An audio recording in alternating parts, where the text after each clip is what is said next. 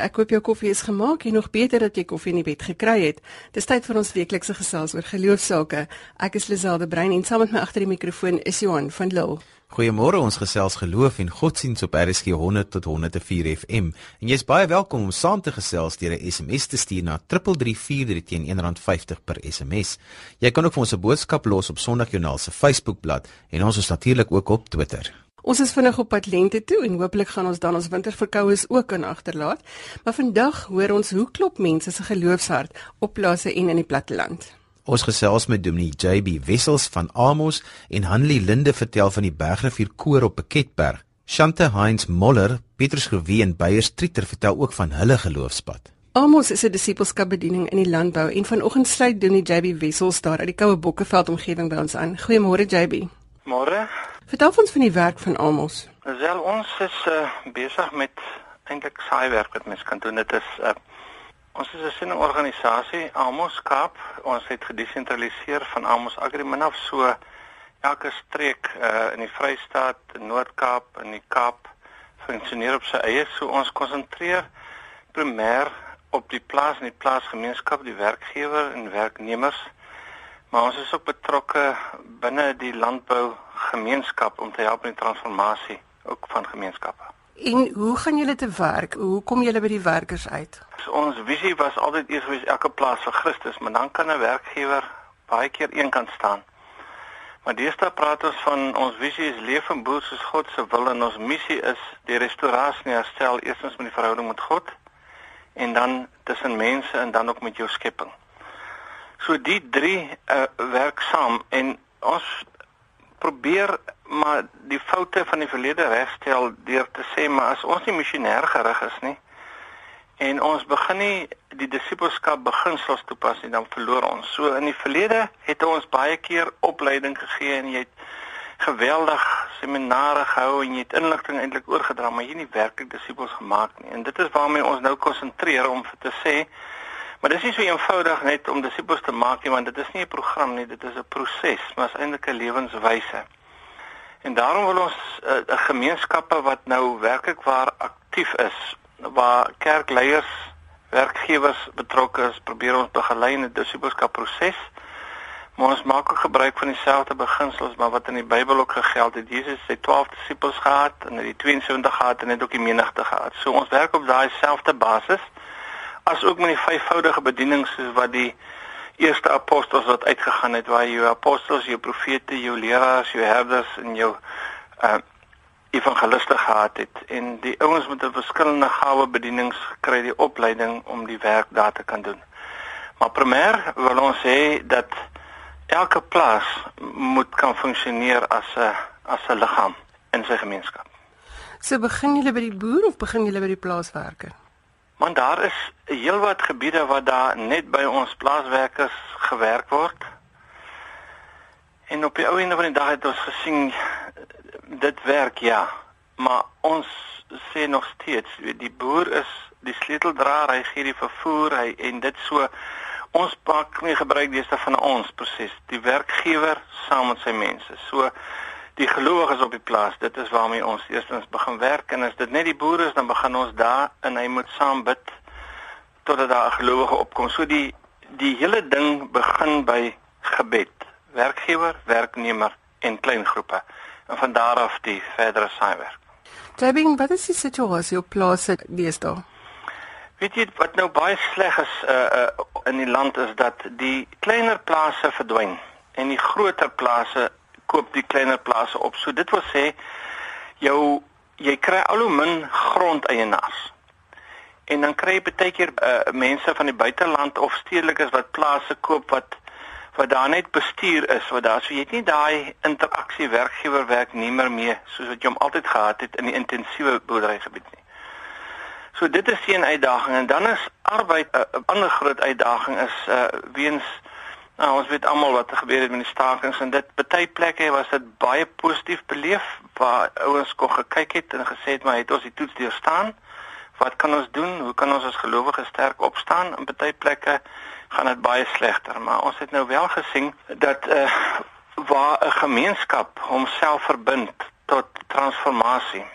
En dan praat ons van die kerke, die verskillende kerkgroeperinge, ons praat van die maatskaplike dienste, ons praat van uh, uh, verskillende plase en, en en werknemers in dorp. Die hele gemeenskap wat begin besef waar wil ons wees oor 5 jaar? Is 'n ou daai resep begin volg, dan is ons geweldig opgewonde wat daar begin gebeur rondom dit. So die uitdaging gaan wees om om die geduld te hê om weer terug te gaan in klein te begin en disippels te maak en die ouens te gebruik om na ander gebiede te begin uitreik. En dit begin gebeur en, en die bemagtiging van mense maak my baie opgewonde op die oomblik. So jy sien suksesstories, daar's verhale wat jy kan vertel waar plase verander as gevolg van die feit dat die evangelie teenwoordig is of dat God teenwoordig is op die plaas.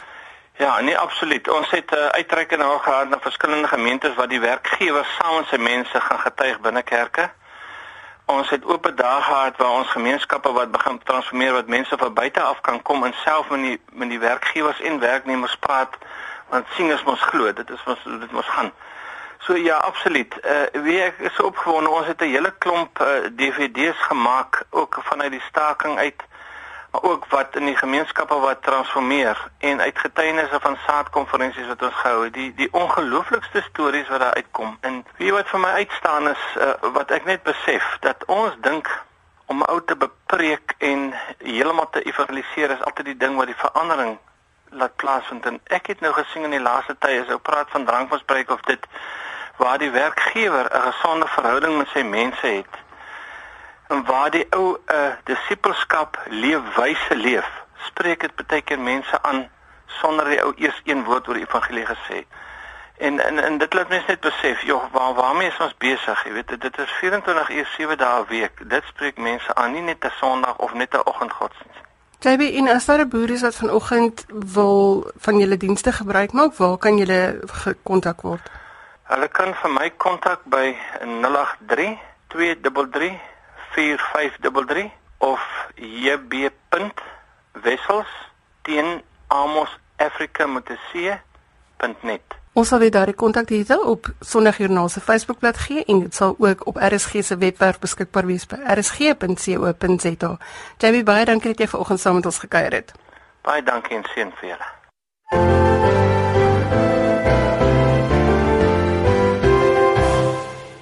Goeiemôre as jy sopas ingeskakel het jy luister na RSG en die program is Sondagjoernaal. Chantal Heinz is nie net skrywer en aktrise nie, sy is ook boervrou en ma en kuier vanoggend telefonies saam met ons. Goeiemôre Chante. Hallo Lisel. Baie dankie vir al jou moeite om vandag op 'n plek te kom waar daar sein is waar jy met my kan gesels. Vreeslik dankie. Dit is 'n groot voorreg om dit te doen. Sondag is natuurlik 'n groot RSG luisterdag. Is ons kerk, dis ons gemeenskapstyd en uh so dis vir ons vreeslik lekker om ingeskakel op te wees en so te kan deel oor ons plaaslewe. Shanti, jy was 'n behoorlike stadsmeisie toe die liefde jou plaas toe verlei het. Dis reg. En weet jy nie, as ek nou moet dink 10 jaar terug as jy vir my gesê het ek gaan in die middel van die groot Karoo bly, dan het ek waarskynlik baie hard gelag. Maar ek dink dis wat die Here doen as 'n mens hom van jou eie planne vertel. Hy het soveel beter en soveel groter vir ons in gedagte. En ek dink is die dag toe ek hom toegelaat het om my storie vir my klaar te skryf in plaas daarvan dat ek te doen, het het daar net hierdie amazing hoofstuk in my lewe gebeur. Watter uitdagings hou die plaaslewe vir jou as 'n gelowige boervrou in Chante? Lisel, weet jy, die platteland is ongelukkig is 'n deel wat wat mense omdat die wêreld so vinnig om ons pols, is die platteland so half die stiefsuster van van dinge en gebeure en mense gedagtes. Maar ek moet werklik waar vir jou sê die platteland is die kern van ons erfenis en is die kern van ons regtig van ons menswees en die behoudendheid van wie en wat ons moet wees. Ongelukkig is dit so dat ons afgesonderd is van van uh, hoe gaan ek dit nou sê van broers en susters wat dikwels dieselfde geloofspad as 'n mens loop. Omdat daar die plase ver uit mekaar uit is, is dit nie noodwendig 'n geval van joh, ek het nou nodig om net my hart met iemand te deel of net te gesels en net te hoor wat jou perspektief op hierdie saak is. Ons het dit nie. Ons het nie die luukse van beraders en mense en dinge om jou nie. So regtig waar iemand het vir my gesê 'n mens moet diep delf, jy moet jouself, jy moet uitgestort wees in jouself en weet wat jy is as jy op die platteland gaan bly, want jy het nie ehm um, ja, jy het nie die beskikbare bronne tot jou uh maklik beskikbaar. Die ander voordeel natuurlik daarvan is dat die wêreld se dinge bly agterweë. Mense is nie so blootgestel aan van die lelike dinge van die wêreld nie. Ons ons het vrede en ons het stilte om ons wat wonderlik vir ons is. Want as ons sê diep Karoo, dan bedoel ons jy's regtig in die diep Karoo. Julle plaas is honderde kilometer van enigiets af kyk, Kanavan is dan nou op die op die kaart as gevolg van die Square Kilometer Array uh projek wat ons daar naby ons het. Maar ons is nog so 200 km daarvan. So ons is tussen Kanavan en Vosburg en my naaste dorp is Kanavan en dit is 70 km van my af. Die Kaap is so 9 ure van my af en Johannesburg so 10. So jy kan nou nie noodwendig kafee toe ry om 'n brood te gaan koop as jy een nodig het nie. ja. Wie het dit altyd vir my snaaks as mense kom kuier en ek sit koek voor, dan sê hulle, "Het jy dit self gebak?" Dan wil ek sê, "Ek het nie 'n Woolies waar ek gou of jy ietsie kan koop nie."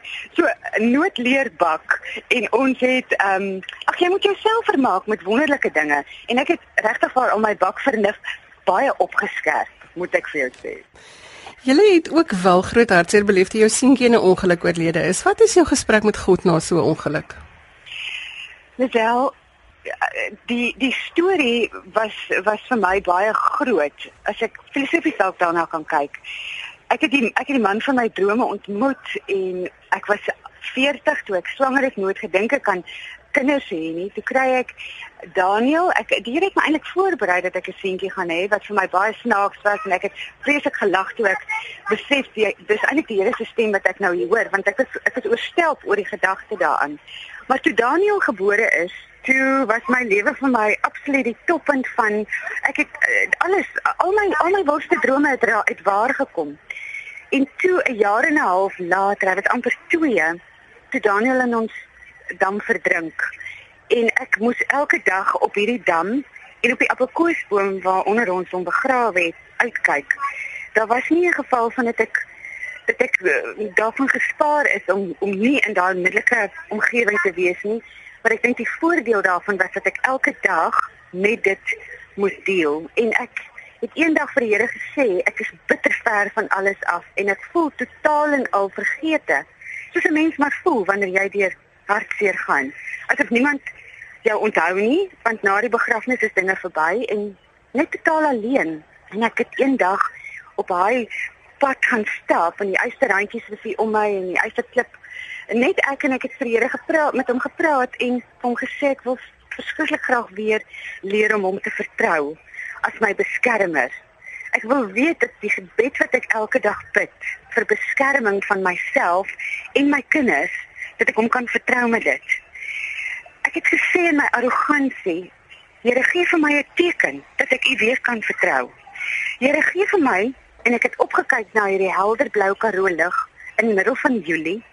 Wat uh, ek het gesê vir 'n reënboog hê. Ek wil net 'n belofte hê.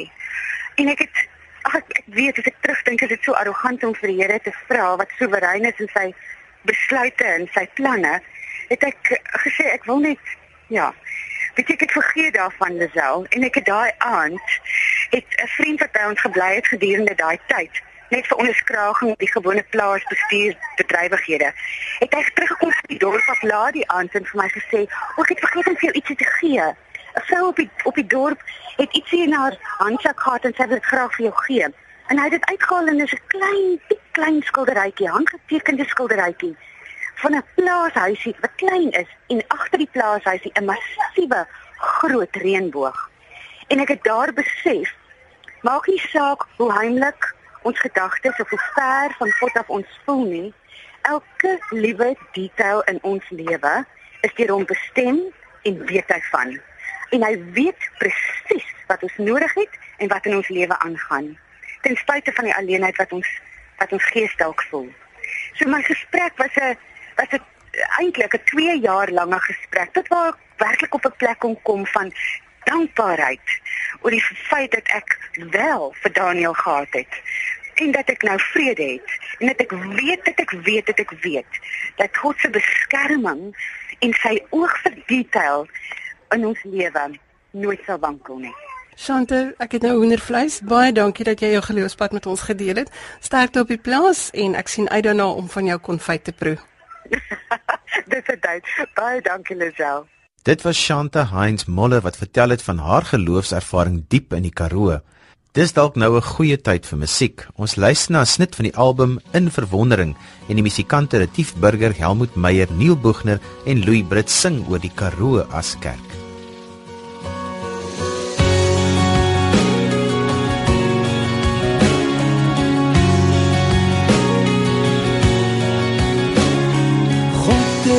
sterre geasem en klippe gestrooi. Hy het die vlaktes geverf en alles was mooi.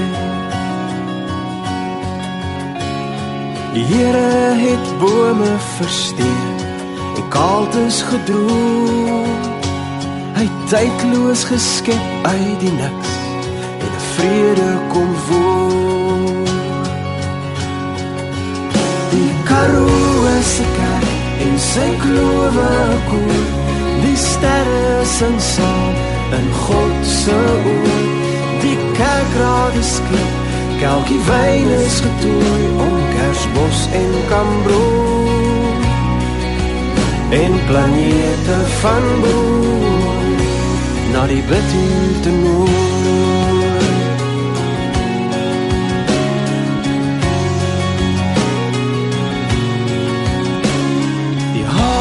kop koste roep uit. Die deure is oop. Die hele gemeente sit vier met luister en hoop. Die maan sit 'n lied in en roep die melkweg tot staan. Die uil gee die moed en die geil gemeente se saam. Die karoo 'n kerk en sy klowe 'n koor. Die sterre sing saam in God se oor. Die kerkraad is klop, elke wyn is getoon om Kersbos en Kambro. En planete van boer, na die betuurde noor. Die wille makou is die doornie se vrou Die jakkals voel wil sy lyf ouderling hou Tannie uil speel die orgel laat sterre verskiet. En kinderplanete vlieg weg verdwyn in die niet Die karoo 'n kerk en sy klowe 'n koor. Die sterre sing saam in God se oor. Die kerkraad is klop Elke wyn is getoon om Kersbos en Kambro En planete van boer Na die betuur te noor Om Kersbos en Kambro En planete van boer Na die betuur te noor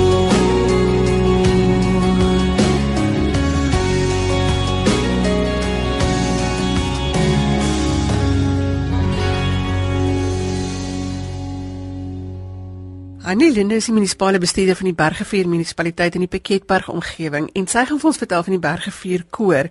Môre Anlie? Hallo, goeiemôre Lisel. Annie, vertel vir ons van hierdie koor in Piketberg. Ja, Lisel, ons is so opgewonde man. Omtrent 4 jaar terug het ons nou as 'n samewerking tussen al ons geloofsgemeenskappe as 'n private inisiatief het 'n boerling van Piketberg het 'n gemeenskapskoor begin. Hierdie koor noem hulle self die Bergevier koor en hulle is saamgestel uit 4 of 5 kerkkore in ons gemeenskap. En dis vir ons so wonderlik en ons gaan nou met hulle toer Desember na Amerika en na België toe. En watter tipe van liedjies sing hulle en watter optredes doen hulle? Weet jy self hulle tree eintlik oral oral op in Amerika nou Desember is hulle genooi om aan 'n koorfees deel te neem wat wonderlik gaan wees. Hulle gaan ook opleiding kry, maar hulle bevorder Afrikaanse Christelike musiek en dan ook die Khoisan kultuur dis hoofsaaklik nou die sogenaamde bruin en wit mense wat in die koor is en wat die voordeel van my in ons gemeenskap is is jy weet die platteland is miskien nog meer ongeïntegreerd ehm um, waar die kerke ook nog apart is en hierdie koor maak nou dat mense oor grense heen gereeld by mekaar uitkom en vir mekaar liefraak. En watter kerkgemeenskappe is betrokke by hierdie kore? Ons as ek so vinnig dink, dan is dit um, omtrent almal ons het die AME gemeente, ons het die VGK kerk, die NG kerk in verskillende dorpe, Portable Piketberg, Goed Verwag, Aurora, Redlinghuis, hulle is almal betrokke. Daar moet tog nou stories wees van hierdie samewerking, hierdie gemeenskap wat so bymekaar kom, wat mekaar ondersteun en wat mekaar dra. Verseker. Sjoe, daar is eintlik te veel stories om te vertel. Ek is nou al so 18 maande by die koor betrokke. Ek gaan ook saam met hulle toer in Desember en ek kan veel vele stories vertel van mense wat mekaar nie in die verlede sou sou ken as mens nie, maar wat nou as gevolg van musiek by mekaar uitgekom het en vir mekaar liefgeraak het en omgee. En ons hoor soveel stories van van een van die koorlede wat siek is en dan gaan besoek 'n gesamentlike groep byvoorbeeld van ander vir daai persoon by die huis, daar word gebid vir die persoon se gesondheid, die persoon word die hande opgelê en dan versterk dit net almal se geloof in daai groep. Ek self as ek jou kan sê, het so ervaring gehad. Ek het vir jare in April en ons het die aand gaan eet by 'n restaurant en toe ek opkyk, toe word daar geser in die straat. En toe's dit omtrent al die lede van hierdie koor wat in die straat staan en net vir my vir my verjaarsdag gelukwens. En dit het my so baie beteken. So ek dink dis geloofsversterkend aan die een kant en dis mense wat nou saam geloof beoefen deur musiek. Ek kry nou skoon hoendervleis. Wat 'n ander stukkie hoendervleis wat ek net gou jou wil sê is klomp van die koorlede wat na Amerika toe gaan Desember was nog nie eers in Kaapstad nie. So, kan jy jou mind daar omkry. So vir en vir almal van hulle wat hulle eie geld moet insamel, is hierdie 'n geloofsproses. En hulle werk hard en byvoorbeeld ons gaan nou die eerste Dinsdag van September gaan gaan die Spur 10% van hulle opbrengs gee vir die koor en die koorlede wat wil geld insamel gaan as waitresses optree om tips te kry. En so maak elkeen vir homself geld bekaar. Elke liewe mens moet R20000 insamel.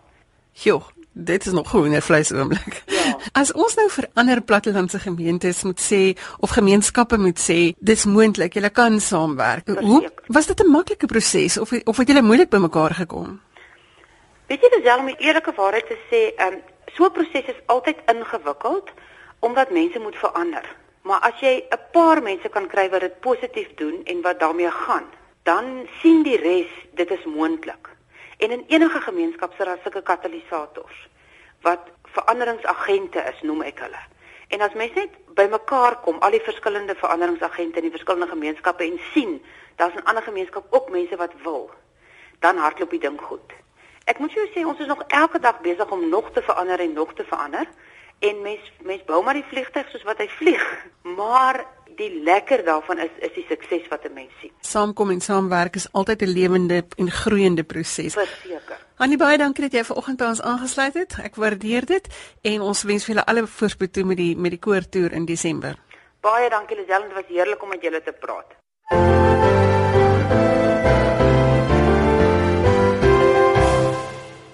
Beierstieter is nie net bekend vir wyn maak nie, hy is ook die motivering agter die Faith Fund en hy sluit vanoggend by ons aan om te vertel hoe hulle 'n verskil maak. Môre Beiers. Môre hoe gaan dit by jou Johan? Dit gaan goed hier op die Sondagoggend. Beiers, waar het die idee vir die Faith Fund ontstaan? Weet jy Johan, ek toe ek 50 geraak het, wat ook nou besig die 50s is besig om vir my uit te loop. Het ek ek het al die lekkertes van wyn gehad. Ek het die wêreld getoer. Ek het hierdie gourmet etes, kos en wyn aande gehad. Ek het fantastiese vriende gemaak. Maar ek het ook geweet uh, uh, in my agterkom, jy weet as jy te veel wyn gebruik en daar is baie dinge wat negatief aan kan wees. Jy weet soos alkoholisme is een van die goed, maar vitale alkoholsindroom het my uh, het my sterk aangeraak, jy weet. Dis waar moeders drink wat verwagtend is en dan word hulle babatjie gebore eintlik sonder 'n droom. Hy word eintlik met 'n halwe brein gebore. En dis waar die idee fisies vanaf agter die Beyer Streeter 5 van begin is. Beiers, hoe ernstig is die probleem onder ons plaaswerkers? Dis nie net 'n probleem onder ons plaaswerkers nie, dis eintlik 'n wêreldwye probleem. En uh, op die stadium in Suid-Afrika sê hulle tussen 6 en 8 miljoen mense is geaffekteer met vitale alkoholsindroom of siektes wat daaruit ontstaan. So so dit dit is 'n baie groot probleem. Hoe kan 'n mens die probleem oplos? Of is daar 'n oplossing en wat doen julle? Ons is basies voorkomend. So ons sal, jy weet, ons het 'n spannetjie, ons noem hulle die klop klop span. Ons sal fisies saans uh uh vier mense Veronica, Angelina, uh Jacoba en Gotti. As vier mense plus myself as ek op die plaas is, gaan ons saans uit en voor sewende laan verby is gaan besoek ons plase en ons klop en ons vertel die mense wat die negatiewe effekte van alkohol terwyl jy verwagtend is. En dan ook wat ons nog doen as as haar mammies is wat verwagtend is, sal ons hulle op 'n maandelikse basis probeer besoek tot hulle nou gaan geboorte skenk en ons sal ook vir hulle probeer die nodige goedjies verskaf wat hulle nodig het om in die hospitaal te gebruik en so aan. So ons suiwer voorkom, dis een van die siektes wat jy kan 100% voorkom. Maar dis dis glad nie onkeerbaar nie. As jou kind dit het, kan jy niks maak om dit te verander nie. Ons het nou met musiek begin ook. Jy weet, uh, ons het 'n musikant, Hiram Koopman. Hy's 'n baie bekende musikant. Hy speel saam met uh, Elvis Blue baie en hy tree op saam met Emil Adams in 'n klomp groepe. En hy het nou kindertjies wat fetale alkoholsindroom met 'n groepie gevat en hy het hulle begin net eers met drommetjies. Hier staan gitare in my kantoor wat reeds geskenk is aan ander musiekinstrumente. So met musiek probeer ons 'n uh, verskil maak. Ons doen ook 'n skenking aan mense wat met perde werk en en fetale alkohol sindroom kinders. En natuurlik ons ek dink uiteindelik wil ons 'n skool ook hê met 'n ander kurrikulum vir die kinders dat hulle kan terugsit in die in die samelewing en dat hulle iets kan werd wees vir die samelewing. Beiers baie keer is dit seker um onkunde aan die een kant ook maar ontkenning wat by die ma's maak dat hulle nog steeds alkohol gebruik wanneer hulle swanger is. Ja, ek dink jy's absoluut reg daar, maar ek ek dink ook is omstandighede waarin jy lewe. Jy weet jy dis maar fisiese omstandighede. Ek weet nie omstandighede het verskriklik verbeter oral in alle toestande, jy weet. En dan ons kom baie op 'n plaas, jy weet, ek dink ook jy moet die woord bedien saam met as jy mense van fetale alkoholsindroom want as jy na enige organisasie toe gaan, gaan jy baie keer hoor as die persoon nie sy eie lewe wil verander nie dan gaan hy nie verander nie. En is baie keer as die as die persoon werklik die Here in sy hart innooi en die Here begin werk aan hom, dan verander mense. Ons gaan baie aande uit en dan dink ons ons bedien die mense met die woord en dan kom jy by 'n ou se huisie dan sien jy hy's netjies en alles dan weet jy die persoon in daai huis is 'n kind van die Here. Ek het een aand stap ons in 'n huisie in. Die plaas se naam is uh, uh, hulle noem dit spookkop die plaas wat ons by was. En ons moet nou eers wag die die tannie het eers haar skottelgoed gewas. En terwyl ons so staan sê die man ek ken al die plaasmense van die area mos. En hy sê vir my beiers weet jy die Here lewe? Maar hy herhaal dit 3 keer. En ek is later aan ek dit vat my aan die hart. En hy sê vir my weet jy ek het verskriklik baie alkohol gebruik maar ek het opgehou op 'n stadium en ek kry epileptiese aanvalle. En as hy so na my toe aankom sê hy dan vra ek net die Here help my. Hy sê dan gaan 'n epileptiese aanval oor my. Hy sê beiers, die Here lewe. Dan kom 'n mens saans terug. Koue nat aande, dan weet jy hoe die Here jou bedien by die ander mense wat jy was. Dis dis net absoluut wonderlik om uit te gaan. As ek geleentheid is, is dit wonderlik. Beiers, wat is jou ervaring van wat fetale alkoholsindroom in 'n gemeenskap kan doen? Ja, yes, ek weet ek het ek ou uh, ek huil baie vinnig deesdae uh, as gevolg van goed wat met my gebeur het maar ou wil huil want want ek dink ons samelewing nie net op plase of maar die hele samelewing word sterk beïnvloed of ek dink as jy gaan kyk na ons tronke in instansies is 'n groot hoeveelheid mense wat wat werklik verkeerd goed doen het fetale alkoholsindroom want daai mense hulle hulle weet nie wat hulle doen nie. Hulle doen iets en dan hulle is gevoelloos. Hulle hulle hulle weet nie wat liefde is en hulle weet nie hoe om hulle gevoelens te beheer nie. So hulle doen iets en en dan stap hulle aan. So nee, ek dink dit het 'n enorme invloed op 'n gemeenskap. Beiers, wat kan ons gelowige gemeenskap doen? Ons geloofsgemeenskap doen aan hierdie probleem. Weet jy, ek dink ons kan byvoorbeeld die vyf van franchise Dis nou 'n Engelse woord, ek weet nou nie mooi wat die Afrikaanse woord is. Ek kan nie nou daarop kom nie, maar ek dink ons kan as geloofsgemeenskappe kan ons dit aangryp en ons kan elke deeltjie van die land. Ons werk nou byvoorbeeld net in Stellenbosch. Ons trek nie Stellenbosch voor nie. Maar as ons mense kan kry, sal ons vir hulle oplei. Ons sal vir hulle brosjures gee. Ons het sulke bandjies om ons arms wat ons sê vir elke kind 'n droom en ons het Bybel teksverse daarop. Jy weet Psalm 127 kinders is is uh geskenke van die Here Jeremia 1 dink is vers 5 jy weet die Here het jou geken lank voordat jy gebore is het jou fyn aan mekaar gesit Ek dink dis die boodskap wat ons in die land by almal moet uitkry. As almal dit weet, gaan dit beslis 'n effek op ons gemeenskap hê.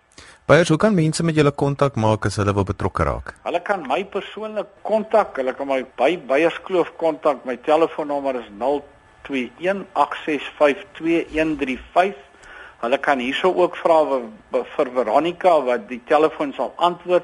Sy's een van die werkers wat saans uitgaan en uh, ons sal terugkom na hulle toe en ons het ook 'n bestuurderes Ina Viljoen en gesamentlik sal ons by hulle uitkom vir hulle verduidelik vir hulle vertel. Baie baie dankie. Dis my plesier om met 'n lekker oggend hê verder want ek weet dis nog vroeg hoor.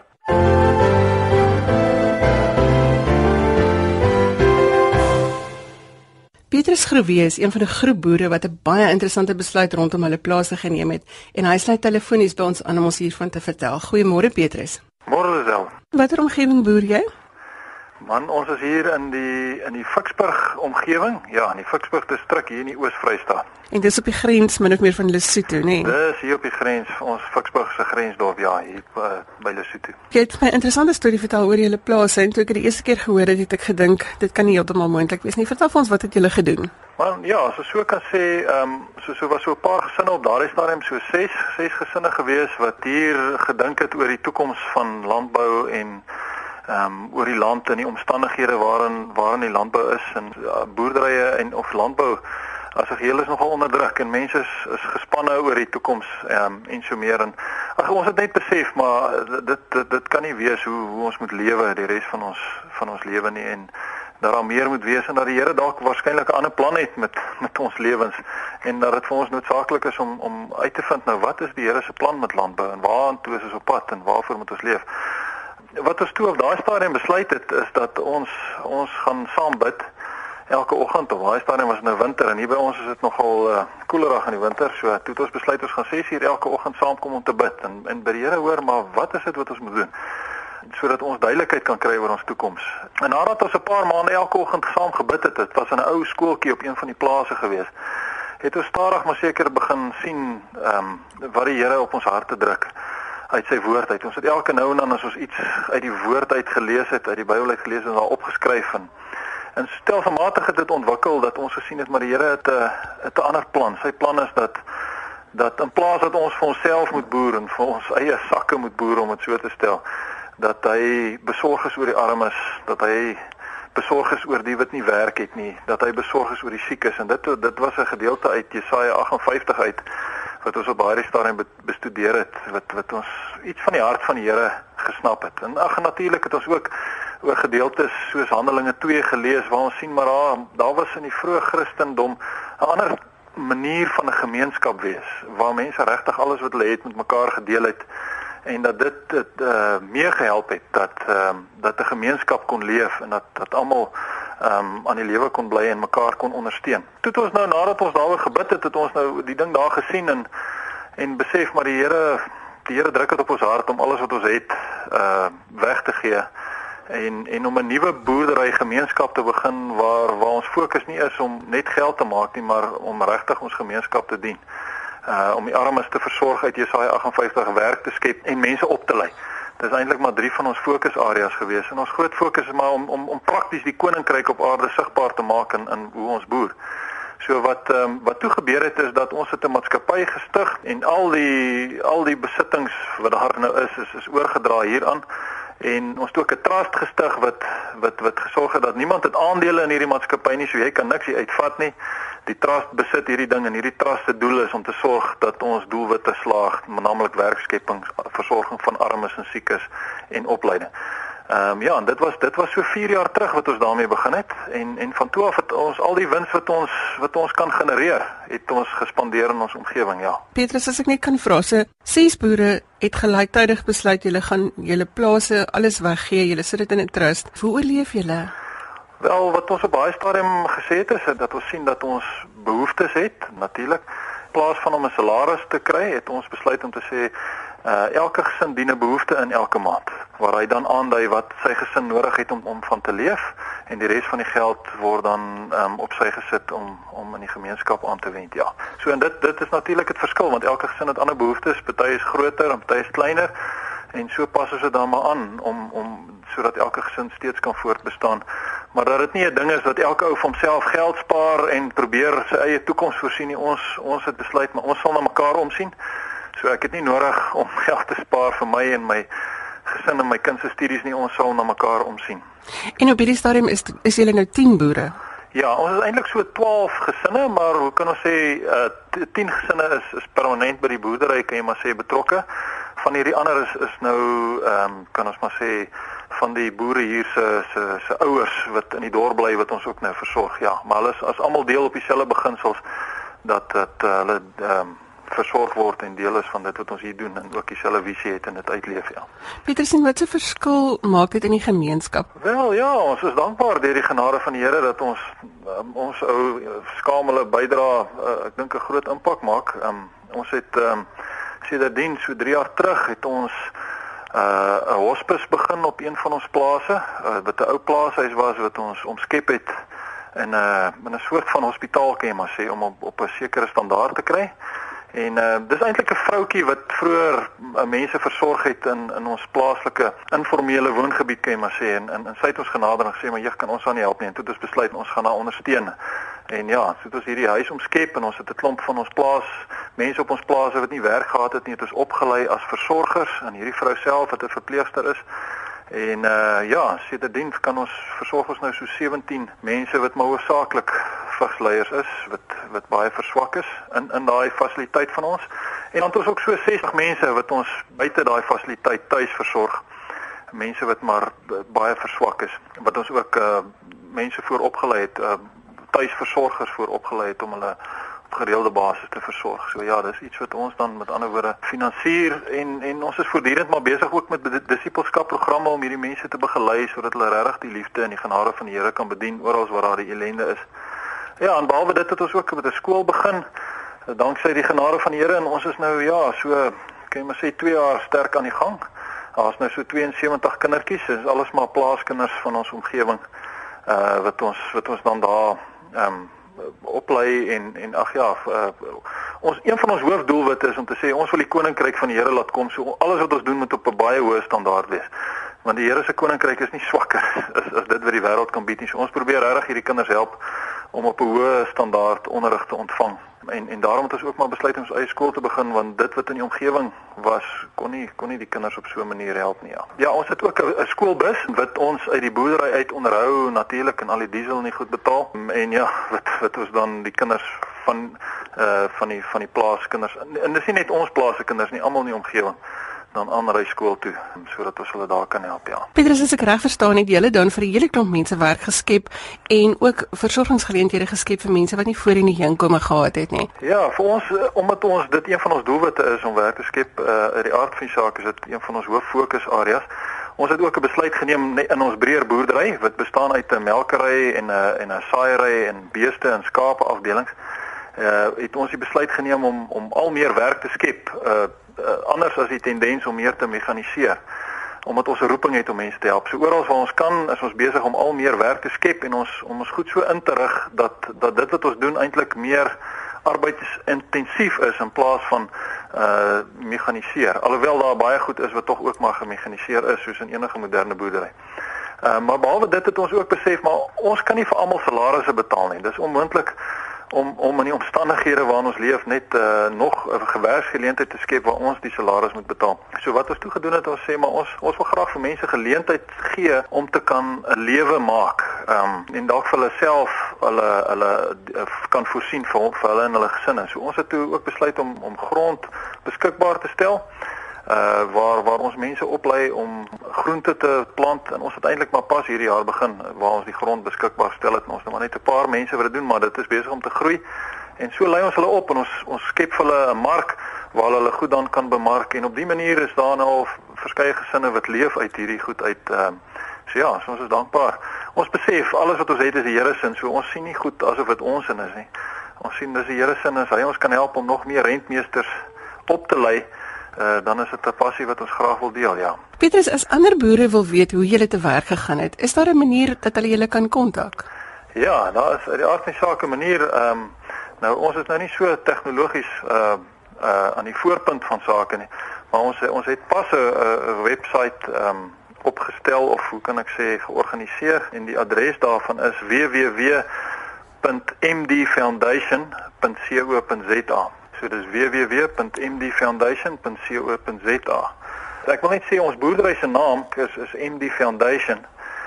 MD MD staan vir Mishu Day en en hierdie hele uh dis dis 'n woord wat beteken die opdrag van die Here of God se God se se missie na hierdie wêreld toe. En dis dis ons boerdery se naam, Mishu Day. Petrus, baie dankie dat jy hierdie ongelooflike storie met ons gedeel het ja. van waar jy getrou was aan die Here se stem en waar hy 'n verskil gemaak het in die gemeenskap ja. en waar hy julle gebruik om 'n verskil te maak in die gemeenskap. Ja, ons is opgewonde oor wat die Here doen en dit wat vir ons so lekker is, dit gebeur nie net hier nie, ons sien dit reg oor Suid-Afrika, is daar al meer dinge aan die gang wat ehm um, wat mense al meer besef, maar die Here het 'n spesiale roeping vir hulle in hulle elke dag se omstandighede en dit maak 'n groot impak.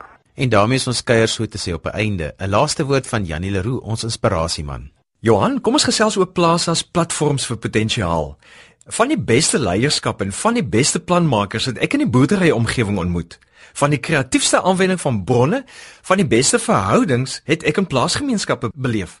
Plase is dikwels uitgelewer aan die natuurelemente, maar ek het gevind dit hou mense nederig afhanklik van God. So van die diepste geloofsvertroue ontwikkel jy in 'n plaasgemeenskap.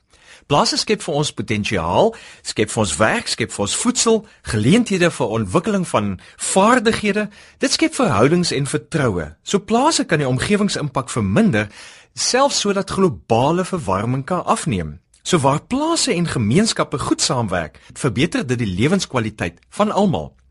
Mense maak 'n plaas, mense met 'n hart vir grond en vir natuurlewe. En dit herinner my aan Genesis 1 toe God gesê het, die mens moet die aarde bewoon en bewerk. So kry sommer vir jou 'n potplant vandag en maak dit jou stilte tydplek sodat jy kan onthou jy's met die aarde gekonnekteer. Jy's met potensiaal gekonnekteer. Vir meer inligting oor vandag se program kan jy gerus aansluit by Sondagjoernaal se Facebookblad. Word deel van die Sondagjoernaal gemeenskap en vertel vir ons van interessante mense en dinge in jou geloofsomgewing. Jy kan ook 'n potgooi van die program aflaai op RSG se webwerf by rsg.co.za. Tot volgende Sondag vir my Johan van Lille. Totsiens. Ons groet met nog 'n lied oor die Karoo van dieselfde album in verwondering met die musikante Retief Burger, Helmut Meyer, Neil Boegner en Louis Brits. Lekker luister na Karoo gebed. Tot volgende week, ook van my Liselde Brein. Totsiens.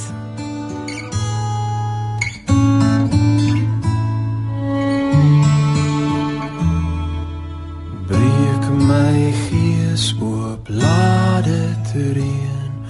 Droë aarde smag na seën in my krake hoor dit kreun. Sou daar lewe in my dreun. Onder klippe beur die groen. Soek die son se lewensoen skeur in my die lewe oop in my